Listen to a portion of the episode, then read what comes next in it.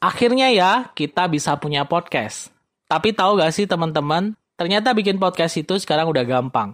Kalian tinggal download Anchor di App Store dan Play Store kalian. Kalian bisa mulai record podcast episode pertama kalian langsung di aplikasi tersebut. Bahkan, kalian juga bisa edit podcast kalian langsung. Melalui Anchor Podcast, kamu akan didistribusikan ke podcast streaming platform seperti Spotify, Apple Podcast, dan lain-lain. Dan yang pasti, gratis. Yuk download aplikasi Anchor di App Store dan Play Store kalian atau kunjungi www.anchor.fm. Selamat bikin podcast. Hai Mams, salam sejahtera. Katanya banyak yang bilang ibu hamil nggak boleh loh makan kerang-kerangan. Kerang-kerang ini katanya bahaya, terutama mungkin kalian sering dengar soal kerang hijau. Yang katanya mengandung merkuri lah, inilah itulah. Padahal kita mungkin tahu ya kalau jenis kerang ini banyak banget ya di Indonesia terutama kita bagi ada kerang air laut, kerang air tawar ya. Jadi sebenarnya nggak semua kerang juga. Tapi apakah benar sih ada beberapa kerang yang kita harus hati-hati? Nanti kita akan jawab soal makan kerang saat hamil. Gimana cara ngolah kerang yang benar supaya setidaknya itu aman dan juga jenis-jenis kerang yang kita harus hati-hati jika dikonsumsi sewaktu hamil.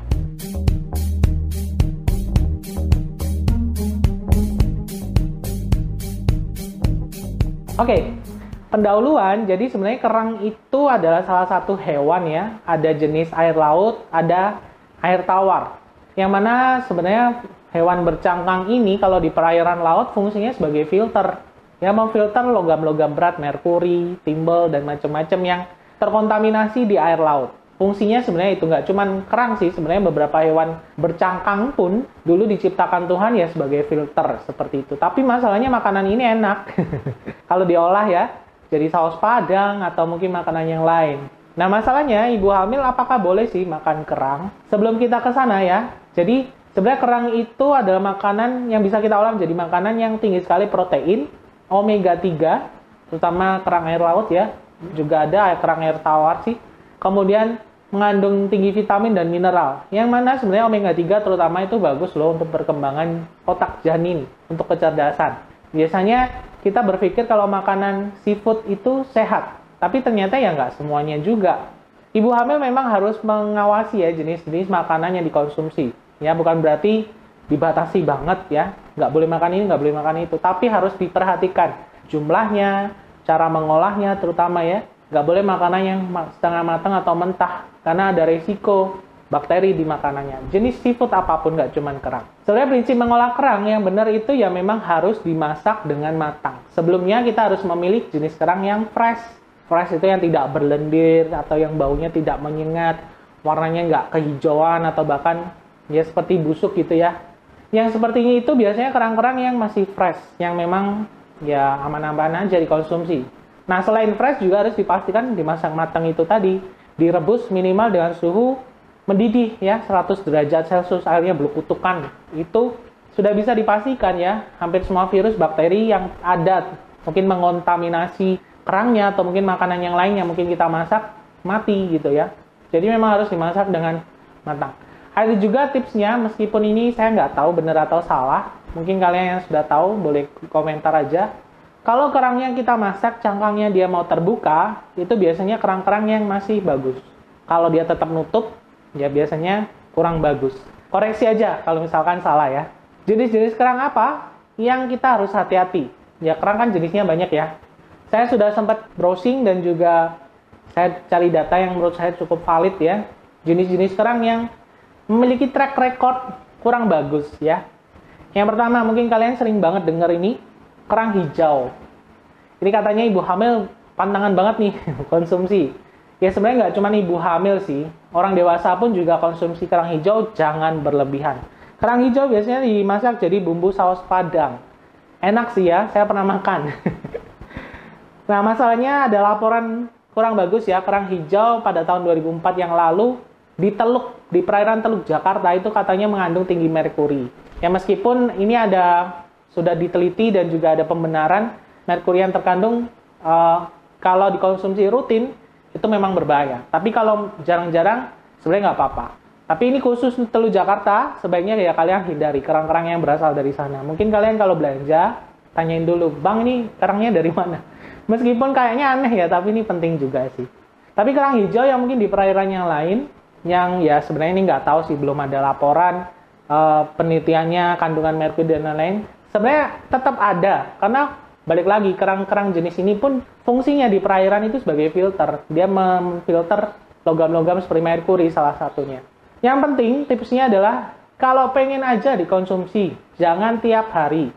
Ya menurut FDA dari Amerika Serikat pun juga menyarankan konsumsi kerang saat hamil jangan lebih dari 2 sampai 3 kali per minggu. Ya sekali, dua kali masih nggak apa-apa deh. Dan itu pun jangan lebih dari 8 sampai 12 ons per porsi ya. Jadi makan kalau pengen aja deh kalau ngidam. Mungkin ada beberapa ibu yang ngidam ya pengen makan kerang.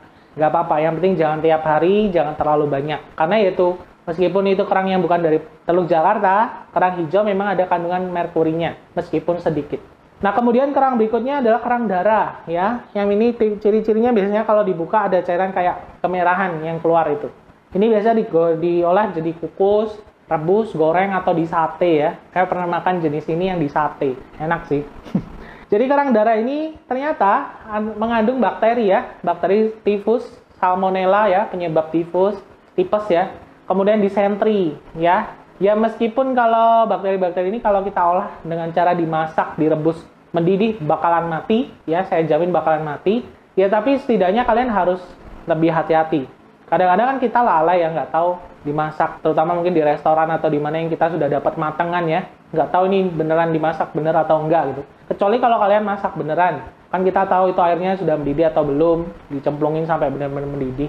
Tipsnya kalau kalian mau makan jenis kerang ini kerang darah pastikan direbus dengan air yang benar-benar mendidih 100 derajat supaya bakterinya mati. Semua jenis makanan sih ya sebenarnya nggak cuma kerang aja. Semua jenis makanannya ada resiko mentah mengandung bakteri harus dimasak seperti itu atau digoreng dengan minyak yang panas ya. Yang lebih, mungkin kalau minyak digoreng itu biasanya lebih dari 100 derajat itu lebih bagus. Jadi intinya harus benar-benar mati dengan suhu panas. Akhirnya ya kita bisa punya podcast. Tapi tahu gak sih teman-teman? Ternyata bikin podcast itu sekarang udah gampang. Kalian tinggal download Anchor di App Store dan Play Store kalian. Kalian bisa mulai record podcast episode pertama kalian langsung di aplikasi tersebut Bahkan, kalian juga bisa edit podcast kalian langsung. Melalui Anchor Podcast, kamu akan didistribusikan ke podcast streaming platform seperti Spotify, Apple Podcast, dan lain-lain. Dan yang pasti, gratis. Yuk download aplikasi Anchor di App Store dan Play Store kalian atau kunjungi www.anchor.fm. Selamat bikin podcast! Kemudian kerang simping. Ini biasa kita ngetrennya kenalnya scallop uh, di Master Chef ya biasanya. Ya, kerang simping atau scallop ini juga mengandung logam berat ya, seperti kerang hijau tadi. Cuman jumlahnya sedikit. Dalam artian kalau kita konsumsi ya sebatas wajar, itu nggak apa-apa. Jangan terlalu sering tiap hari konsumsi juga, sebenarnya nggak ada masalah. Kemudian kerang tiram atau oyster, ini biasanya dimakan kondisi mentah ya, fresh itu dicampur biasa kasih tetesan lemon, atau kasih saus, kasih mayones. Ya sebenarnya semua jenis makanan kalau mentah itu buat ibu hamil juga nggak bagus setengah matang aja nggak bagus apalagi mentah gitu ya. Jadi jenis kerang ini kalau mau diolah ya dimasak dulu lah direbus minimal. Meskipun katanya saya belum pernah makan sih katanya lebih enak kalau mentah. Tapi menurut saya buat anda yang hamil lebih hati-hati milih makanan ini. Paling nggak dimasak dulu supaya aman. Karena mengandung bakteri ya. Kemudian kerang bulu. Yang biasanya kerangnya ada di luarnya tuh ada bulu-bulu tipis. Itu pun juga sebenarnya mengandung bakteri. Yang penting kalau dimasak matang ya nggak masalah. Tetap diikuti prinsip memasak kerang yang benar tadi. Ya harus fresh, harus dimasak matang, minimal direbus dengan air mendidih supaya bakterinya mati dan jangan terlalu banyak. Dan juga pastikan kerangnya dalam kondisi bagus ya. Kemudian dok, saya sudah coba nih ngolah tapi kalau saya tetap takut. Tapi pengen banget nih makan kerang. Ada beberapa jenis kerang yang lebih aman ya. Karena sebagian besar kerang ini ada di di perairan air tawar. Contohnya seperti kerang kijing ya. Mungkin kalian pernah dengar atau mungkin pernah makan.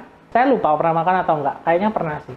Jadi kerang kijing ini sebagian besar ada dari perairan air laut ya. Jadi ya lebih aman sih dari kontaminasi logam-logam berat. Tapi tetap ya prinsip kalau mau makan kerang atau jenis kerang-kerangan seafood atau yang lain pastikan fresh, dimasak matang ya. Itu yang paling bagus. Jangan-jangan terlalu banyak. Tetap sarannya seperti itu. Kerang bambu yang bentuknya agak panjang-panjang. Itu juga cukup aman. Yang penting jangan tiap hari aja ya dikonsumsi. Kerang bambu ini kalau kalian olah jadi makanan enak banget saya pernah makan. Kemudian kerang kepah ya, kepah atau kepah. Saya belum pernah tahu sih jenis kerang ini, tapi pernah lihat ya orang cari kerang jenis ini. Biasanya di air-air yang lumpur ya, kemudian di mangrove yang banyak lumpurnya.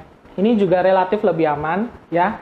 Um, meskipun begitu ya tetap prinsip masaknya harus benar ya, bersih, matang itu tetap harus diperhatikan, jangan, jangan terlalu banyak. Dan kerang macan atau mungkin lebih ketrennya keong macan ya, bukan keong racun ya. kerang macan ini dia ini juga sering diolah ya. Bahkan saya mungkin dulu pernah sering uh, beli ya di pinggiran jalan. Intinya dalam mengkonsumsi kerang pada saat hamil boleh-boleh aja silakan konsumsi kalau pengen, kalau ngidam. Yang penting jangan berlebihan jenis kerang apa pun. Karena apa pun yang berlebihan nggak bagus. Termasuk kerang hijau tadi nggak apa-apa kalau pengen aja. Mungkin yang dimasak saus padang tadi itu enak banget. Yang penting jangan terlalu sering ya. Konsumsi kalau pengen diolah dengan bersih dan matang ya. Pastikan fresh juga. Prinsipnya itu aja. Kalau ibu hamil dibatasi banget makanannya ya kasihan. Tapi mungkin kalau pengen ya makanan dari sumber seafood kan masih banyak ya. Ikan mungkin ya. Kemudian udang-udangan itu juga bisa jadi alternatif buat kalian yang mungkin agak takut konsumsi kerang